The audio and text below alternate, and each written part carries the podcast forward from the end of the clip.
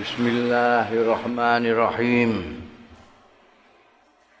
قال المؤلف رحمه الله ونفعنا به وبعلومه في الدارين. آمين. ذكر الحارس إكو يا. ذكر الحارس بن سويد التيمي رضي الله عنه. الحارس بن سويد التيمي كتابي كوفيون كوفي. Tabiin termasuk minat tabiin dan dari Kufah. Wingi-wingi kok Basrah itu tokoh-tokoh iki Kufi. Nah, Basrah iku kok Basrah, Kufi saka Kufah. Min ashabi Abdullah bin Mas'udin termasuk ashabe murid-muride Sayyidina Abdullah bin Mas'ud radhiyallahu anhu. Kana ono ya Al Haris bin Suwaid idza statamahu rajul nalikane misuwi ing Al Haris sapa rajul wong lanang. Ana wong kok misoi beliau? Ya kulo mongko ngendika sapa Al Haris Amai ya'mal misqala zarratin khairan yara Misqala zarratin syarran yara kullu zalika muhsiyun muhsan ing mestine nah dipisahi wong maca ayat iki famaya masapane wong sing ngamal ya man berbuat ya man miskala dzarratin ing sak bobote semut pudak. Zarra saiki dimaknani atom saking lembute sing paling kecil itu. Berbuat khairan ing bagus ya roh. Mongko bakal weruh ya manhu ing khairan. Wa may ya'mal lan sapane wong sing ngamal ya man misqala dzarratin. Ing sak bobote zarrah saron Allah. Ya roh mongko bakal weruh sapa manhu ing saron sing cilik semono iku kulo dalika tes kabehane mau iku mukson diitung. Semuanya dihitung dielingno wong sing miso iku. Misuwe dawa apa pendek iku kabeh bakal di ketahui nanti ada balasannya masing-masing dihitung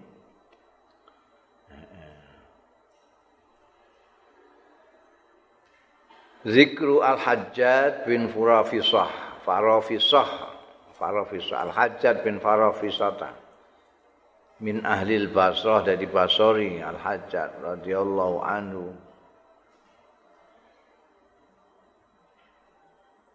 Yarwi yo gak yurwa, gak yarwa yo, yarwi ana titik ngisor. Eh, wae ana titik ngisor ya. Ayo, yarwi. Umatan kok bener nuskahmu. Yarwi ngriwayatake sapa Al Hajjat an Anas sing sahabat Anas radhiyallahu anhu. Tapi ini itu kan mata rantai. Jadi yang di sing dituturno ning kene kabeh tokoh-tokoh yang kita yang kita bicarakan di sini tapi ini meskipun hanya satu baris hanya disebutkan namanya saja dan sedikit kuatnya itu tabiin. Jadi mereka itulah yang berjasa membawakan hadis Rasulullah Shallallahu Alaihi Wasallam dari sahabat. Kanjeng Nabi Muhammad Shallallahu Alaihi Wasallam ngendiko, sahabat yang dengar disampaikan kepada tabiin. Misalnya Abdullah bin Mas'ud sampaikan kepada Al Kharis bin Suwaid At-Taimi. Baru Al-Khais bin Suwaid At-Taimi memberitahukan kepada muridnya lagi. Nah, terus sampai ke kita. Jadi kita ini membicarakan orang-orang yang berjasa semua yang kita sebut salafus salihin itu. Sahabat sudah sekarang tabiin yang mengantarkan semua yang dari Rasulullah SAW pada kita. Jadi mulanya ini dikandakno kayak Al Hajjat bin Farafisah ini beliau dapat hadis dari Al Anas dari Anas bin Malik. lalu sampaikan. Kala Sufyan As-Sauri ngendika sapa Sufyan As-Sauri ini juga tokoh alim juga Sufyan Sauri ini ya. Kala Sufyan As-Sauri rahimahullah. Bitu indal hajat, aku tahu nginep indal hajat ibni Farafisah. Aku nginep nih gini dalam hajat bin Farafisah. Aku nginep ahadan wa isrina yauman. Selikur dino aku. Aku nginep nginep ngantek selikur dino kaya mondok ya fama akala. Selikur dino fama akala. Mongko ora dahar ya hajat. Wala syarib wala ora ngunjuk sapa hajat. Wala nama lan ora sare masyaallah selikur dino ora dahar ora ngunjuk ora sare kok ora apa-apa. Sumakala mongko kaya-kaya dawuh sapa al-hajjat. Man arafa rabbahu ahabbah. Sing sapa wonge kenal rabbahu, kenal tenan rabbahu ing pangerane man ahabbahu. Monggo menyintai ya man ing rabbahu.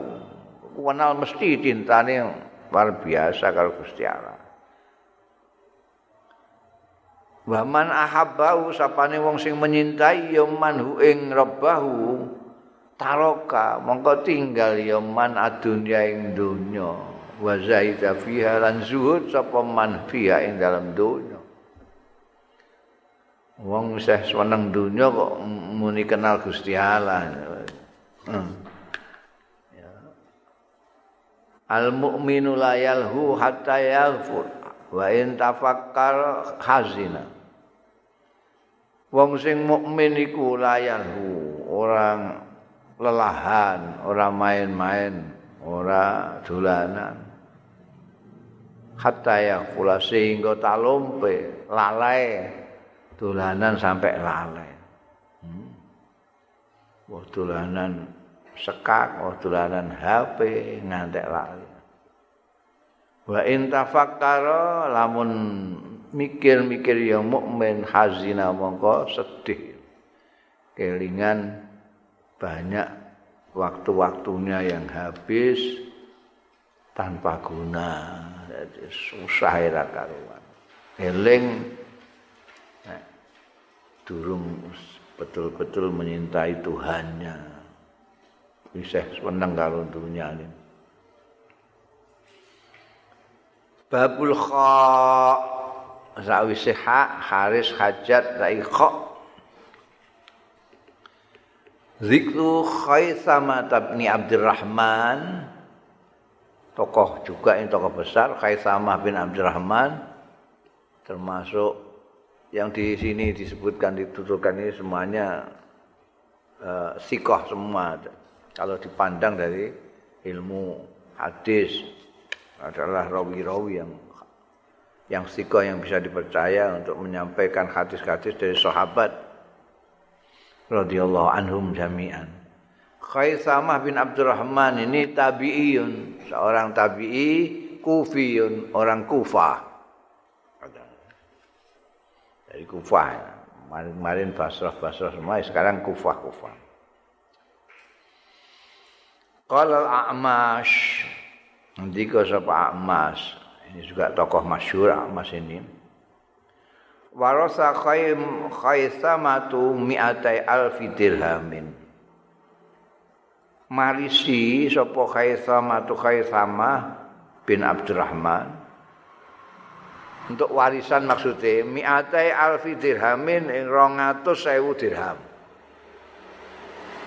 200.000 duit perak untuk warisan fa'am faqaha mongko nafaqahna ya khaisama ha ing mi'atai alfi dirhamin mau 200 ribu dirham mau dinafaqahna alal qurra'i wal fuqaha ing atase saiki ya kiai-kiai ya qurra itu orang-orang yang membaca kitab ada yang mendengarkan diterangno ya kiai lah itu. Bukan ini bukan jamaah korek lalu tukang baca Quran itu enggak. Qurra itu istilahnya iskiai itu. Mulang, orang-orang yang mulang. Wal fuqaha lan ahli-ahli hukum Islam. Fuqaha itu ahli fikih. Ulama ulama. Ya pada ulama ya, tapi ulama ahli fikih. Al fuqaha itu ada yang mulang sebagai qurra, ada yang tidak. Jadi semua warisan yang 200 ribu dirham itu dinafkahkan semua untuk urok dan fukoha. Wa kana yadaulan ana sapa khaisama yadau nyelehake al khabisa ing khabis. Ini kayak apa khabis? Ya kayak kayak puding enggak puding temen pudingku makanan zaman saiki. Yes. Kue tapi kayak puding itu apa? Lembut anu. Makanan elit itu. Nah, karena ya daul khabisa wa ta'ama. Lan makanan yang lain sumayat u monggo kari-kari ngundang ya khair sama Ibrahim an-Nakhai juga tokoh terkenal Ibrahim An-Nakhai wa yad'una lan ngundang sapa na ing kita mau sartane Ibrahim An-Nakhai. Jadi beliau bikin semacam anu gitu ya masakan termasuk ada khobisnya juga itu makanan ini. Terus ngundangi tokoh-tokoh ini. Wa yaqulan ngendika sapa Khaisamah kulu dodahara sira kabeh ya maing barang astahihi sing kepengin sapa ingsun ing ma ini makanan kesukaanku semua ini. Khobis ini ikan ayam panggang ini anu. Maasna ora gawe sapa ingsun. Illa min ajrikum kejaba. Saking ngarai sira kabeh ini kesukaan saya semua saya buat khusus untuk kalian semua. Karena kalian semua ini saya buat Jadi nyugai wong itu yang disukai dia, beliau. Eh, ora kok di ini pakanane ayam, eh, ndok, ati, otak, nek nyugai itu sambal terong. Enggak apa yang beliau sukai itulah yang disuguhkan diundang orang mulyake tamu sengaja. Wa kana lan ana sapa khaisamah iku ya surut darahim.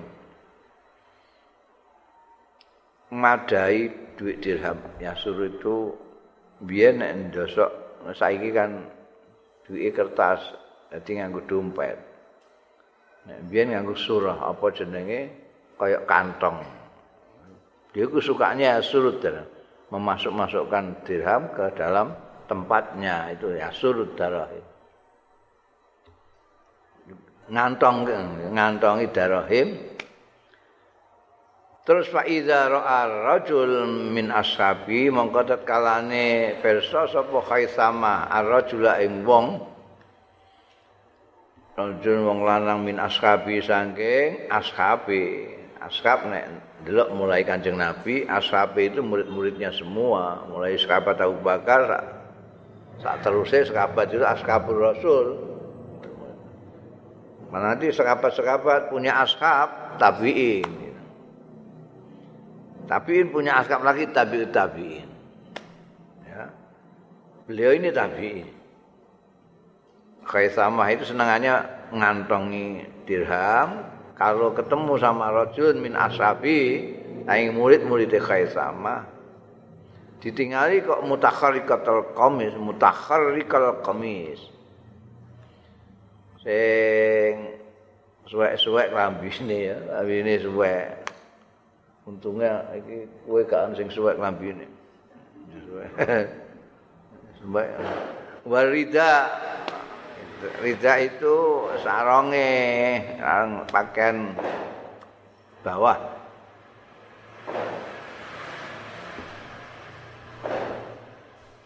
Wabihi aniku kelawan arrajul kulatun pakaian takhinuhu kang wis wayahe takhayanahu ya kena takhayanahu sing biasa tinggu kadang-kadang. Dari khin itu loh. Fa iza kharaja minal bab mongko tetkalane metu. Sapa rajul minal bab saking satu lawang kharaja mongko miyas sapa khaisama huwa ya khaisama mim babin akhara saka lawang sing liya. Jadi dia tidak masuk dalam tidak masuk dari pintu yang sama dengan salah seorang asapnya tadi yang pakaiannya elek lidake wis biasa tinggu bolak-balik. Kata yalqahu karena pintunya lain jadi terus ketemu nanti. Kata yalqahu sehingga nemu ketemu sapa Khusaima ing rajul. Payuk di mongko maringno maringi sapa arrajul sapa Khaisamahu ing rajul. Beliau bawa kantong ketemu itu. Kalau lihat keadaan kok ana muridé sing pakaiane elek iku. Saronge wis wayahe ganti barang ora ganti. Iku beliau enggak masuknya terus enggak bersamaan dengan muridnya itu tapi cari pintu lain dan nanti terus ketemu ketemu terus diparingi duit murite iki. Payaku mongko dawuh sapa Khaisama. Istari komison, istari ridaan, eh? Tuku ya, tuku sira komison ing komis-komis bedah kabeh ngono iki tuku ngono. Tuku kambi sing anyar. Istari ridaan, eh? tuku sarung neh iki ngono. Ya kowe wong Kambi gak ana sing rawek sarungmu ya sapik ngono. Aku ya gak muni. Gak gak gak ngeki apa-apa mbek kowe. Wa qala Talha bin Musarrif ndika sapa Talha bin Musarrif qala Khaisam Khais Khaisama dawuh sapa Khaisama ini setuhune ingsun la alamu yakti ngerti sapa ingsun makana rajulin ing panggonane wong lanang ya tamanna. Sing ngarep-ngarep ya rajul al mauta ing mati. Fi sanatin marratain ing dalam setahun marratain ambal kaping pindho. Faraitu mongko ningali sapa ingsun anau setuhune rajul anau setuhune khaisama iku yakni ngersakake ya khaisama nafsu ing awak dhewe ne khaisama. Jadi pengertiane Tolkah bin Musarrif Imam Khaisama ngendika innila a'lamu makana rajulin yatamannal maut fi sanatin marratain saya melihat tempatnya seorang yang set, apa namanya setiap tahun itu mengharapkan mati dua kali setiap tahun dua kali mengharapkan mati. Tolkah bin Musarib mengartikan itu yang dimaksud Imam Khaisama itu ya diri beliau sendiri. Rojul yang setiap tahun dua kali mengharapkan mati. Kala Khaisama tu Mendika sapa Khaisama kana ana iku yuk jibuhum ngawokake ing mereka nyenengake wong-wong iku apa ayyamu tarrajul? Yen to mati sapa wong lanang indah khairin. Nalikane kebagusan yak malu sing nindakake ya rajul ing khair imma hajjin ana kalane nalikane haji wa imma umratin lan ana kalane nalika umrah wa imma ghazbin ana kalane nalika perang sabil wa imma siyamin ana kalane poso wa, wa imma siyam ni ramadhana ana kalane poso ramadan ya Ini sing dimaksud juga beliau juga itu. Ingin kalau meninggal itu dalam kondisi sedang melakukan amal yang baik. Ya. Amal yang baik apa sedang haji, meninggal, sedang umrah, sedang berjuang bisa bilillah, sedang poso Ramadan ya. Dan, dan itu nek nilai dawuh. Matal mar'u ala ma'as. Wong iku mati berdasarkan nalika uripe. Itu biasanya orang meninggal itu sesuai dengan kebiasaan sehari-hari nalika hidup. Ana sing kapundhut nalika sujud. Niku ana kaya ramane Habib Syekh Syekh Abdul Qadir.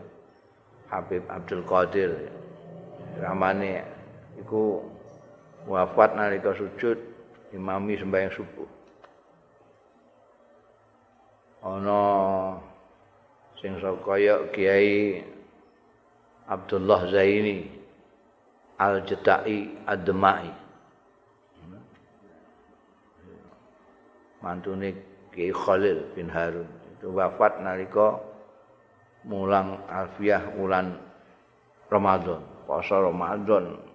Akeh pasanan afiah ngono. Wayah duha. Ana sing kaya geluk ni akeh pidato ceramah. Ana sing kaya Hamid Jabbar. Mati nalika maca puisi. Mulane hati-hati kowe. Biasane sing biasan sing apik dadi mati dalam kondisi yang apik. Wong kebiasaan banting kopek, mati pas banting kopek oh, cilaka. Auzubillah min dzalik. Iki Imam Khaisama itu mengharapkan itu. Pokoknya wafatnya itu di ketika mengamalkan amalan yang baik. Ketika haji, ketika umrah, ketika terus ya. Kana lan ana sapa khaisa mayyahdimul Qur'an ngatamake Al-Qur'an Al-Qur'an fi salasin ing dalem telu. Iki iso fi salasin iku iso sedina ping telu. Dan itu yang yang yang sokeh ya. Iki hatam sedina ping telu. Ana sing bisa juga maknane khatam Quran telung dina pisan. Itu nek telung dina pisan kaya kok biasa-biasa ngono nek. Nisbate tabiin sedina ping telu. Wa ausolan wasiat sapa khaisamah ayut fana ing yen dikebumikan ya khaisamah bin Abdurrahman At-Taimi fi makbarati fuqara qaumihi. Ing dalem makbarae makam kuburane wong-wong fakire kaume Khaisama. Kono sing kuburan elit kaya ning kene kene iku ana. Sing sebelah ratan kene sebelah lor. Iku ning rat itu enggak boleh orang biasa di dipendem ning kono. Priayi-priayi. Sing kidul jalan ya, itu rakyat biasa. Beliau ini minta nanti endem bersama-sama di kuburannya orang-orang pekir. Tawadu'e. Qala Khaisamatu ngendika sapa Khaisamah bin Abdurrahman, wallahi ma uhibbu mu'minan munafiqan qattu. Wallahi demi Allah ma uhibbu mu'minan. Ora demen sapa ingsun mukminan ing wong mukmin munafiqan sing munafik qattu babar pisan. Wong mukmin kok munafik ora? Eh?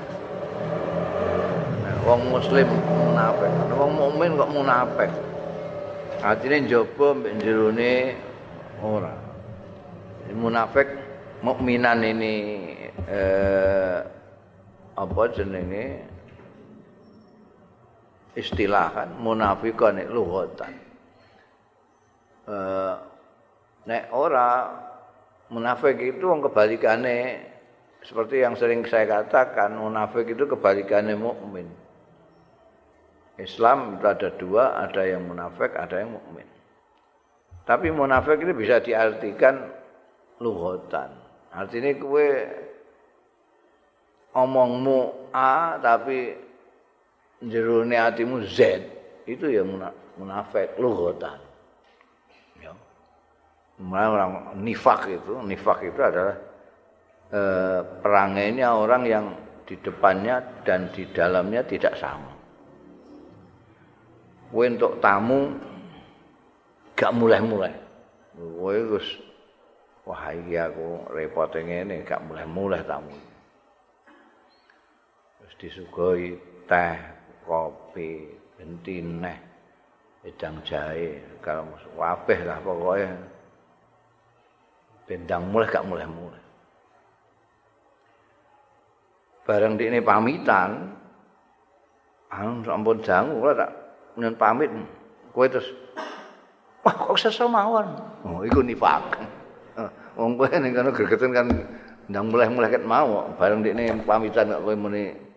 Kok kesesa mawon? Lah nek tamune ndelok oh nek ngoten nggih mangke-mangke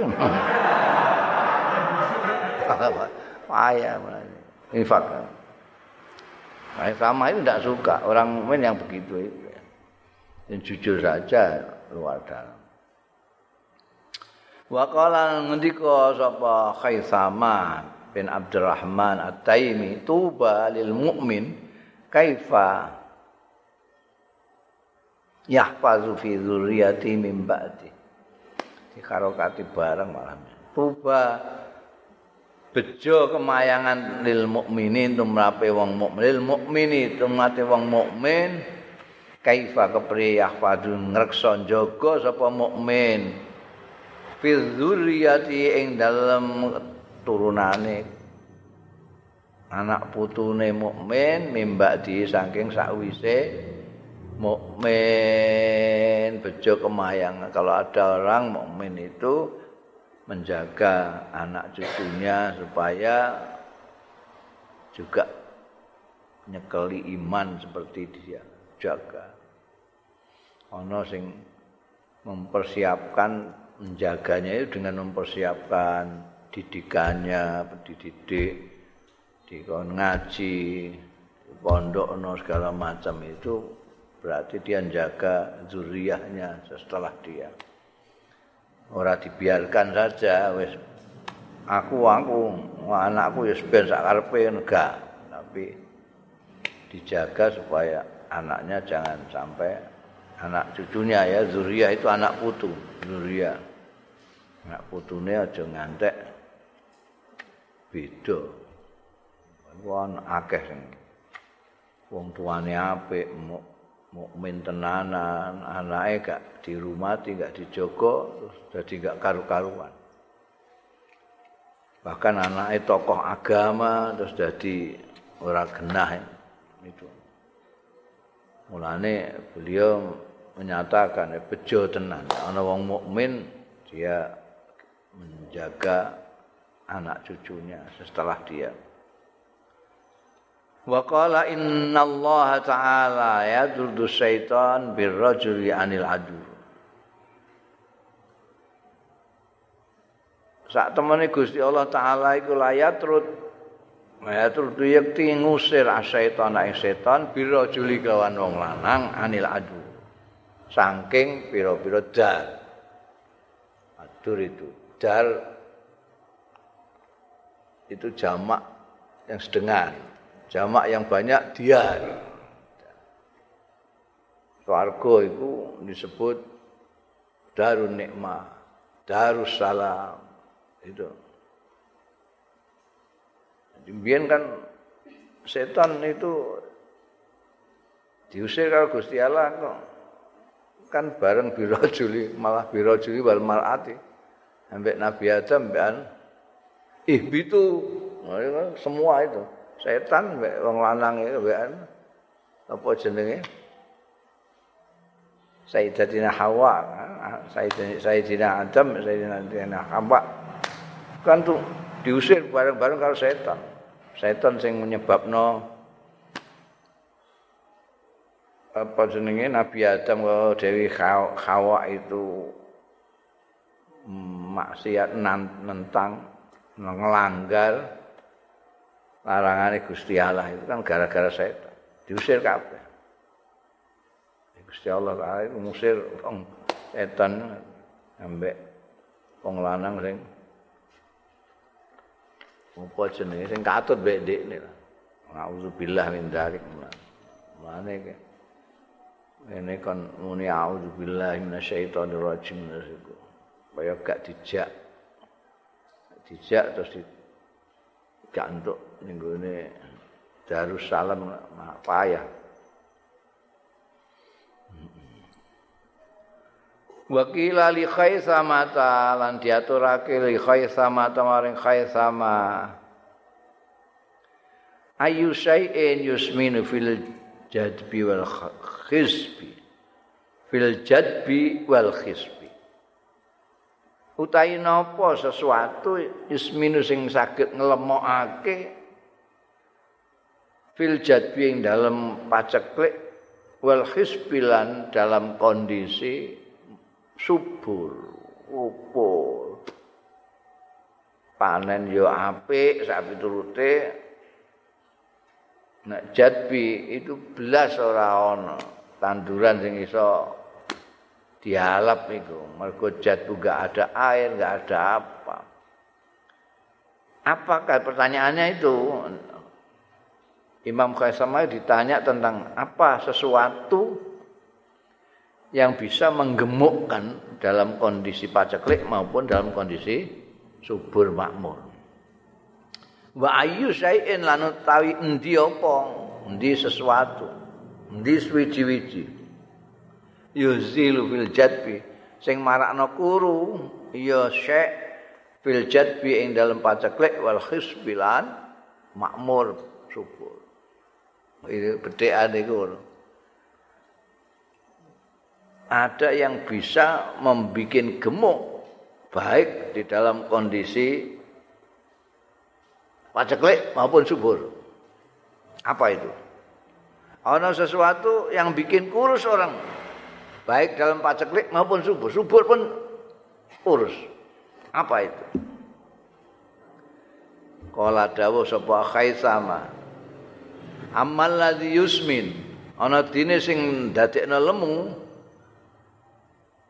ya ladzi fil jadbi ing dalem mayae paceklik wal khas wal khisbilan subur makmur bahwal mukmin bahwa utai alazi ku al mukmin wong mukmin wong mukmin iku ora peduli mongso paceklik dek subur makmur marat apa tetep lemu sapa mukmin Soalnya orang mukmin in uktiya syakar, wa in ya sabar.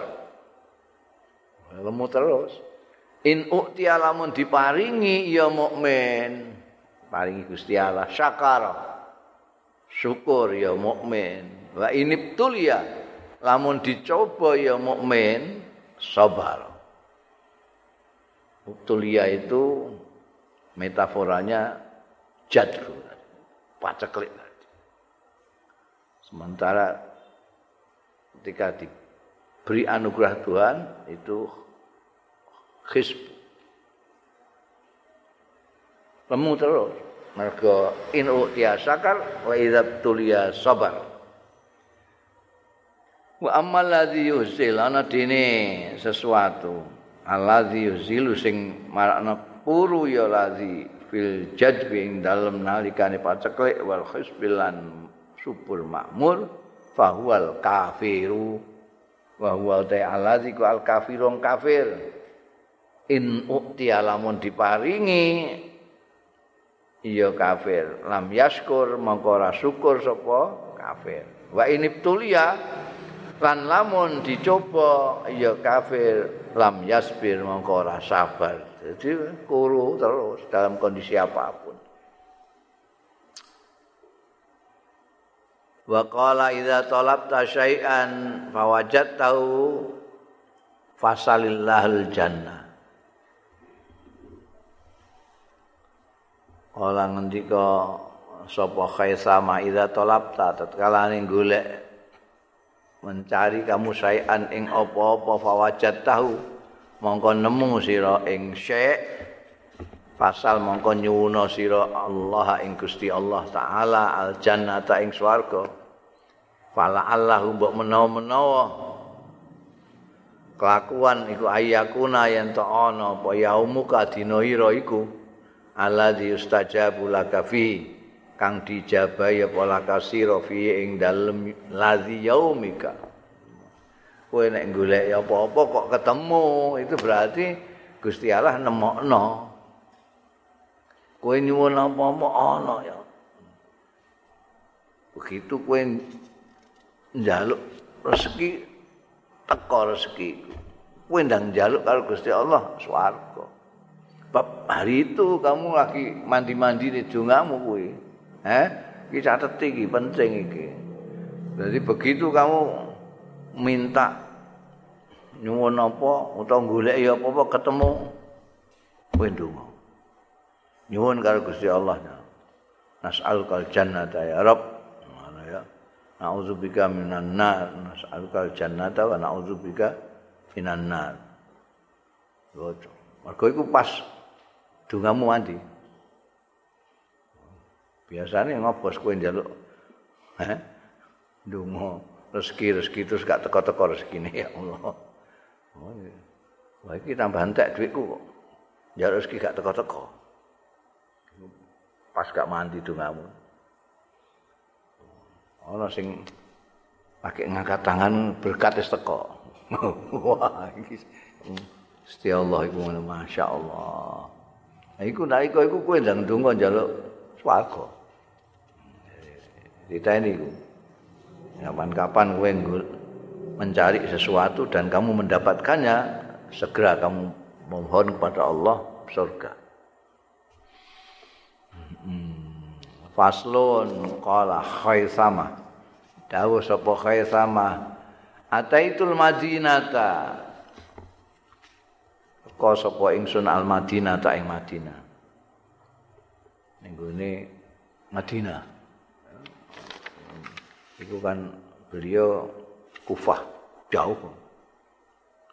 Kufah itu di Irak. Beliau datang ke Madinah. Madinatul Rasul sallallahu alaihi wasallam. Fajalastu mongko lungguh sapa ingsun ila Abi Hurairah. Itu ada masjidnya sahabat Abi Hurairah radhiyallahu anhu. Faqala mongko dawuh sapa Abu Hurairah, "Mimman anta?" Sokondi anta utai sira? Fakultu mongko jawab sapa ingsun min ahlil Kufah, kula saking penduduk Kufah. Jitu Kula niki tiyang Kufah Jitu dugi kula sowan kula li altamisul khair. Badhe nyuwun kesainan wal ilmalan ngilmu. Ameh marguru ambek Abu Hurairah. Kula badhe nyuwun kesainan panjenengan nyuwun ilmu panjenengan. Faqala mongko dawuh sapa Abu Hurairah tas'aluni? Kowe njaluk ing ingsun njaluk khair lan ngilmu ning ingsun padahal wa fikum hale wa fikum lan iku ana ing sandingira kabeh. Ulama ashabin nabi sallallahu alaihi wasallam utawi ulama-ulama eh, sahabat-sahabat nabi. Wa ibnu ammihi ana ning kono ana putrane pamane Kanjeng Nabi sallallahu alaihi wasallam Ali bin Abi Thalib radhiyallahu anhu wa fikum lan iku ana ing nggonmu kono ahlu Kufah Sa'd bin Malik sahabat sing mujabud dakwah sing dungane mandi mujabud dakwah sing dijabahi dakwah. Wa fikum lan ana ing kono ning ahli Kufah Ibnu Mas'udin ana Abdullah bin Mas'ud sahibu wasaidi Rasulillah sallallahu alaihi wasallam wa na'lai ing gawene nyiapake wisada-wisadae Kanjeng Rasul. Wisada itu bantalan untuk peleangan. Jadi kalau orang duduk di sini di anak bantal biasanya pesagi. Pesagi gini. Buka pesagi panjang. Kalau pesagi panjang yang untuk tidur itu mahidah bahasa Arab ya beda-beda. Mahidah. Sing mbok turu mahidah. Sing tinggal sandaran linggih sing pesagi empat ngene itu wisada. Wisada jamaah wasaid.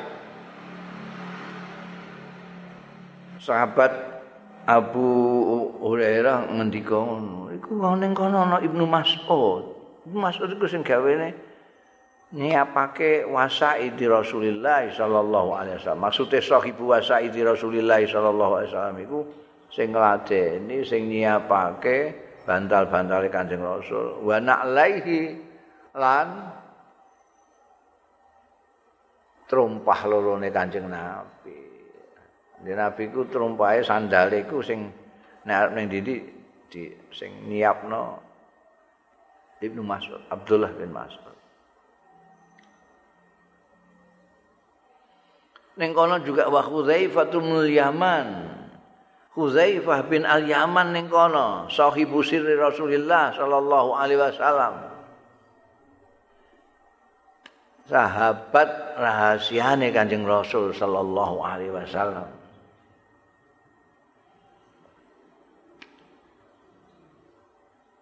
Wa Ammar bin Yasir. Alladzi ajarahu Allah minasyaitan sing melindungi ing lazi Ammar bin Yasir sapa Allah minasyaitani saking setan. Ala lisani nabihi. Kok ngerti? Ala lisani nabihi ing atase dawuhe nabine Allah taala. Wa Salman kono ana juga Salman sahibul kitabain yang memiliki dua kitab Al Injil wal Furqan karena dia ini Salman asalnya Nasrani. Sehingga ketika dia mas, sebelum masuk Islam dia sudah baca Injil bacaannya. Dia masuk Islam Furqan, Al-Qur'an yang dibaca. Duh. Sampean kok tek omong ndi? Saking ahli Kufah. Iku Kufah. Rene meh. Ngawula njaluk apik njaluk ngilmu ning aku. Iya to? Oh ning Kufah iku ulama-ulama sahabat pirang-pirang ning kono iku. Pirang-pirang Sahabat-sahabat Kanjeng Rasul sallallahu alaihi wasallam sing wong alim-alim iku ana ning Kufah. Ana Ibnu Ammi, ana Sayyidina Ali bin Abi Thalib ya ning kono. Ana Sa'd bin Malik.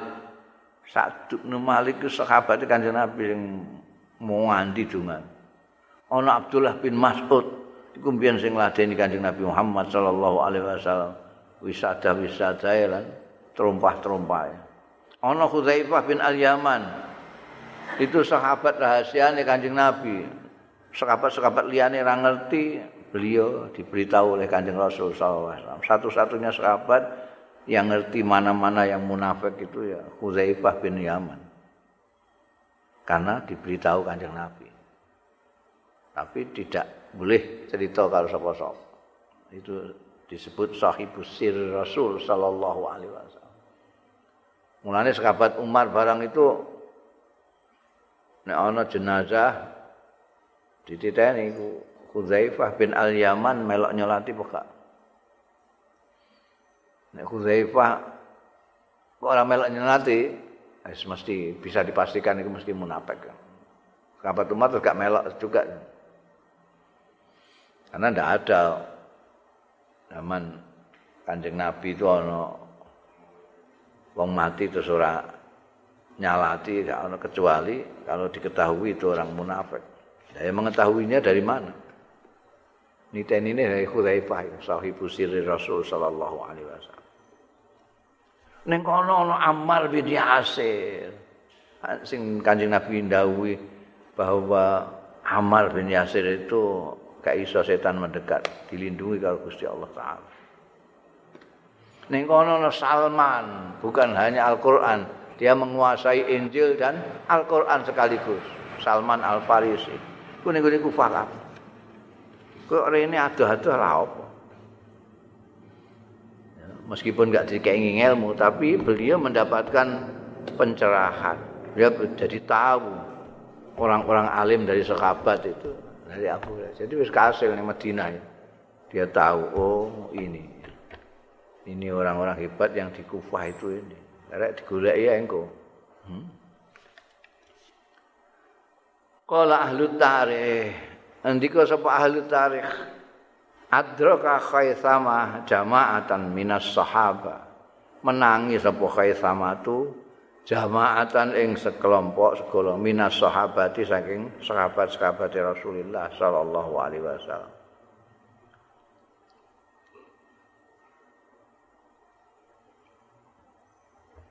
Warawa apa warawiyah? Warawa ya. Eh.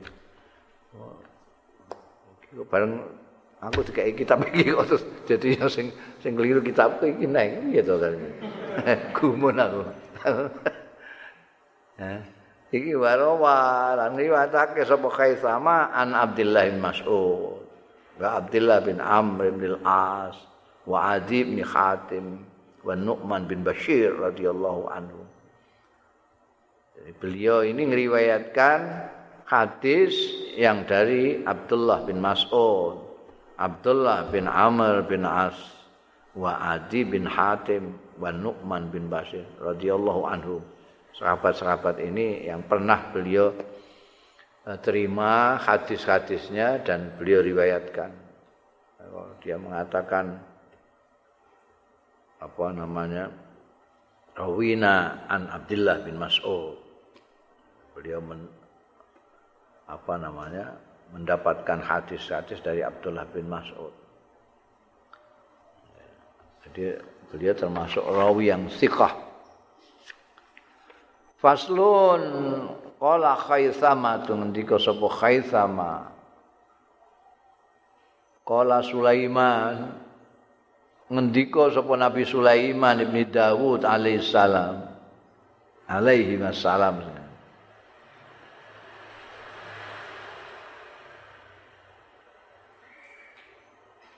Kulul ais semua kehidupan.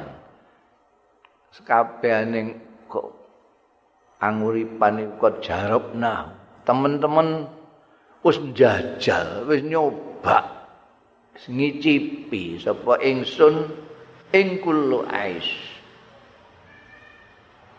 Layinuhu sing lembutnya ais wasadidu lan kerase ais semua kehidupan. Yang enak, yang tidak enak, yang keras, yang lembut, sudah kami coba semua. Fawajat nahu, mongko nemu sapa ingsun hu ing kullu ais. Yakfi cukup minhu saking kullu ais apa adnahu minimal es ais. Wis tak jajal.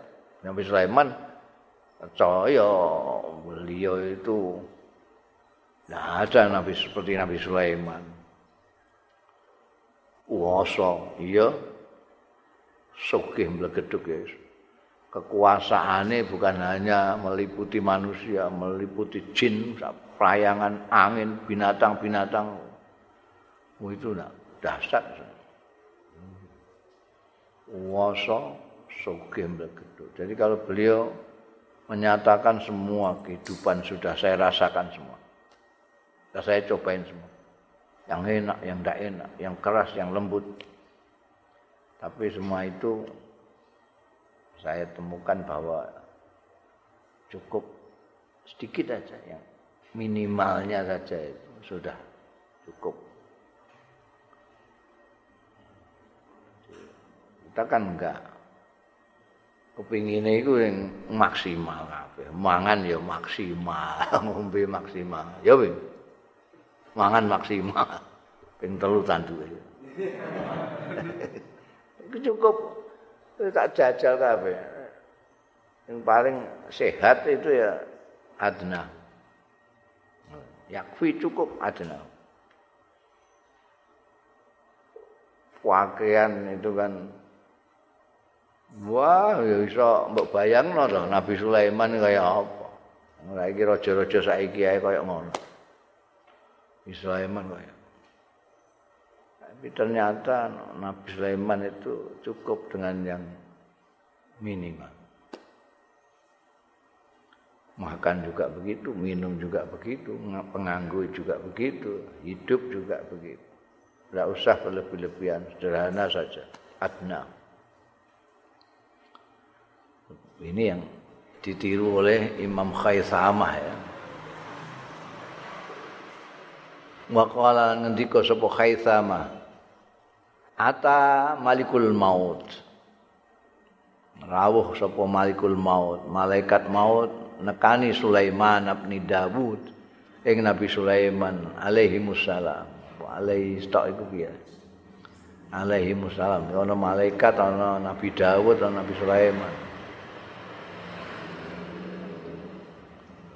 Wa kana lan ana sapa nabi Sulaiman ilahu marang malikal maut iku sadikon kanca. Nabi Sulaiman duwe kanca malaikat maut. Dadi iso anyang-anyangan nek dicabut nyawane oh, kanca. Pakola Oh ngendika lahu marang malaikatul maut sapa Sulaiman Nabi Sulaiman. Malah kata di ahla baitin fatakbidum jami'an. Iku apa? Laka kedue sira kena apa sampean iku kok tak tinekani sampean ahla baitin ing ahli bait? Keluarga. Fatakbidu atakbidu mongko jiabut nyawane ahlul bait jami'an sekabeh. Sampean iki sepundi? Wong sak omah sampean Siabut kabeh niku sepundi karepe. Wa tadaulan tinggal jenengan ala baitin ing ahli bait ana sak keluarga rumah tangga ila jambi ana sandinge ahli bait sing ngarep mau. Latak bidu. Mboten mendhet mboten njabut nyawane jenengan minhum saking alu baitin sing niki orang jabut akadan yang seorang pun. Niku sampeyan sepundi? Niku sak keluarga sampeyan pendet sedaya. Niki tanggane niku belas mboten sing sampeyan pendet belas niku. Pundi sampeyan? Sing sak omah iku sak omah sampeyan pendeti semua. Niki sak omah semono katahe mboten setunggal pun sing jenengan jabut nyawan. Kala jawab sapa Malikul Maut ya. Loh, ngerti kula sapa? Mana bi alama. Ora ana sapa ingsun iku bi alama. Kawan ngerti bima kawan barang akbidu mingka. Sing kula jawab. Mingka tiniman. Kula mboten luwih saya tidak lebih tahu daripada sampean dalam soal siapa yang aku harus cabut. Innama aku nanging pestine ana sapa ingsun tahatal ars ana ing isore aras. Wayul ko ilayya sikakun mongko diceblokno disampaikan ilayya maring ingsun apa sikakun. Dadi ning gone arus terus aku dicebloki sikakun. Ana sikak kaya sertifikat ono sikak iku. Fiha iku ing dalem sikak asmaun nama-nama. Ya aku mau ngoten mawon kula jabutin niku Kula ini mboten ngerti sami kalian jenengan. Sami kan ma'ana bi alama bima mingkat ini bangan sampean. Jadi kayak sampean, sampean mboten ngerti kula nggih mboten ngerti. Kula mau nampa mawon teng ngisor aras kula tengok teng ngisor aras pluk nonton nami-nami ini ini bulan bin bulan orang sini ini tanggal sekian tanggal sekian Mulane biyen tau tak critakno. Ana tamune Nabi Sulaiman nang anak pesta. Di antara tamune iku terus ana sing marani Nabi Sulaiman. Niku sinten tamu sampean sitok niku? Sing ndi? Niku. Lho, kowe gak kenal. Lah mulane kula takokake mergo mboten kenal. Ya sing jenenge malaikat mau dia iku. Malaikat mau dia iku wong iku. Masyaallah. Oh, kula nilih angin napa sampean kongkonan angin napa sinten menapa jin kan nggawa to kula teng gunung kop mereka. Mulane mendrik terus kae kula diket mau. Nek kandhane iku malaikat maut, dik mau padahal ngingeti ini terus. Mulane ngate ditakokno karo Nabi Sulaiman. Bang kandhane malaikat maut terus ya tulung Nabi Sulaiman. Sampeyan kongkonan angin apa jin sampeyan kok. Beto kula teng ngene Gunung Koh. Wedi kula kalih. Tamu jenengan sitok niku. Eh kancane kancane Nabi Sulaiman malaikat maut. Begitu tekan dhuwur gunung ning kono wis enek malikal maut iku. Cuk. Hmm. Lho kok ning kene? Lah yang catetanmu iki ning kene. Kok tak delok ndak lama tadi kok tak delok kok isih ning kono iku lha opo? Ndak cocok. iki ndak sikoke sing salah piye? Mencatetane ning gone dhuwur gunung kok iku mau kok isih mertamu ning gone Sulaiman. aku wis pokoke aku sing tak percayani ya iki aku mau ndur gunung wis ben nang catetane ngono nek gak ono ya gak salah ku nanti kowe moro pas ae ocok iki. Oh jadi orang ngerti malaikat maut dhewe gak ngerti. Mau ceblok diwaca. Iki ati angga semene semene ning kono. Wala khaisama tu ndika sapa khaisama? Kanu yaquluna inna syaitan yaqulu kaifa yaghlibuni ibnu adam kanu padha ngucap kanu ana sapa?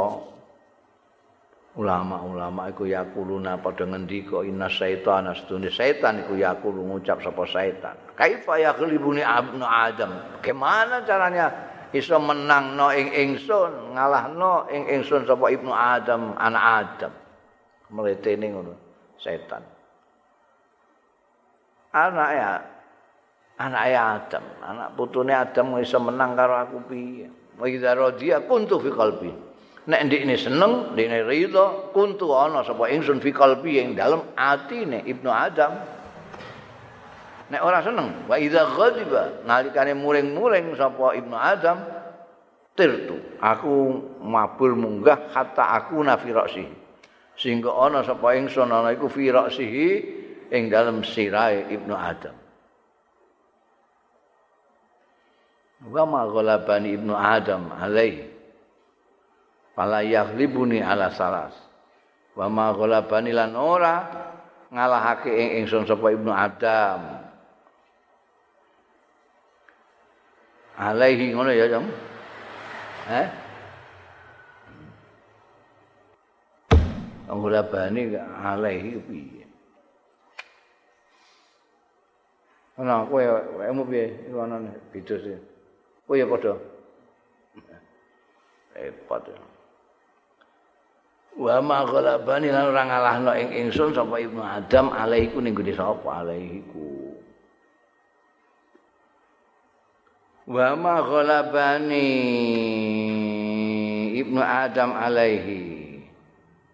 Wa mau tai barang ghalabani sing lindih ing ingsun sapa ibnu adam alaihi ing atase ma. Ngono ya iso falai yaghlibani mongko ora ngalahno sapa ibnu adam ing ingsun ala salasin ing atase telung perkara Nomor siji ayak khuda malan min ghairi hak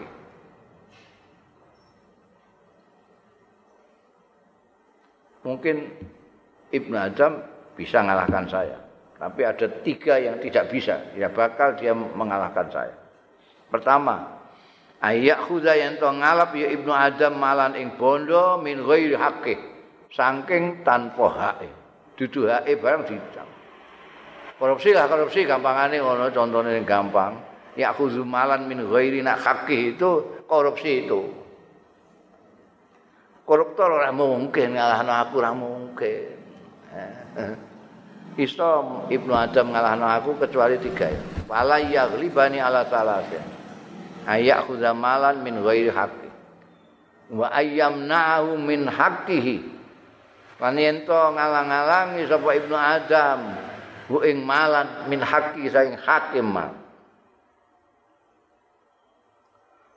Iki mesti ini hae fakir miskin, hae wong yatim, hae ora disampaikan, malah dialang-alang. Ini juga. Dua. Nomor tiga. Wa yadau fi ghairi haqqi. Anyelehno iya Ibnu Adam hu ing malan fi ghairi haqqi ing dalem liyane hae mal. ditasarupno ning ngene sing ora-ora. Tasarupno sing ngene sing ora-ora.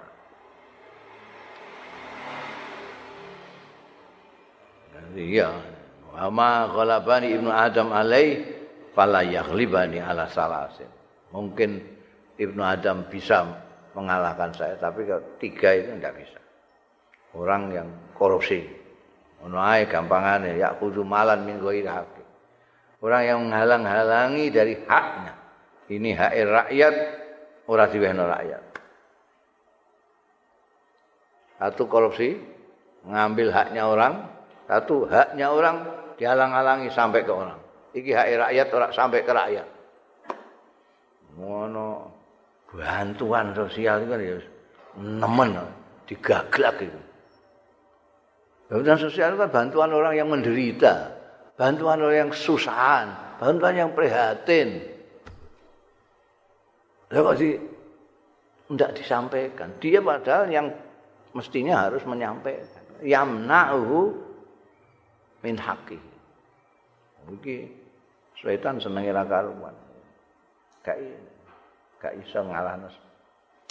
Repot. Mau sampai segitu. Set. Hah? balani sing bayar da'u fi ghairi haqqi dan itu digunakan untuk yang tidak-tidak. Ini koruptor itu. Nek dinggo bantu aja lumayan iku ana koruptor sing ngono iku. Sing carane apa untuk ini ngerti menawa ana ustaz-ustaz ngandakno nek sedekah itu tak faul bala itu mungkin iku ngono. Wah, jadi korupsi tapi itu sedekah. ben ora ketangkep ngono Iku ana koruptor sing ngrungokno ustaz-ustaz pidato ngono. Sedekah. Hmm. Ya, iki ana sing apa jenenge? Ora ngono. Wis korupsi ditasarupna sing ora-ora. Dinggo roya. Dinggo tuku apa jenenge jam tangan sing regane 5 miliar. Kowe gun tau roh jenenge Rolex sing 5 miliar iki. Aku wis tau roh Di dasar nopo nang ora tak delok. Wah insyaallah. Jam tangan niku apa keistimewaannya mung jam delok jam langgar ae wis iso kok tas ini juga miliaran tas itu terus gue merseni cewek. Iku jenenge yadau fi ghairi haqqi iki bandane rakyat ora dikekno. Rakyat tapi dikekno sing ora ora. Iki kabeh ana contone kabeh ning Indonesia. Telu-telune. Jadi setan merecep setan malah jalilatan nang Indonesia itu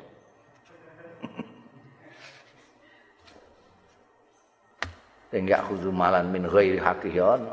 Sing yamna'u min haqqihi ana. Wa yad'u fi ghairi haqqihi ana kabeh komplit Indonesia ini. Waqala takul malaika wallahu a'lam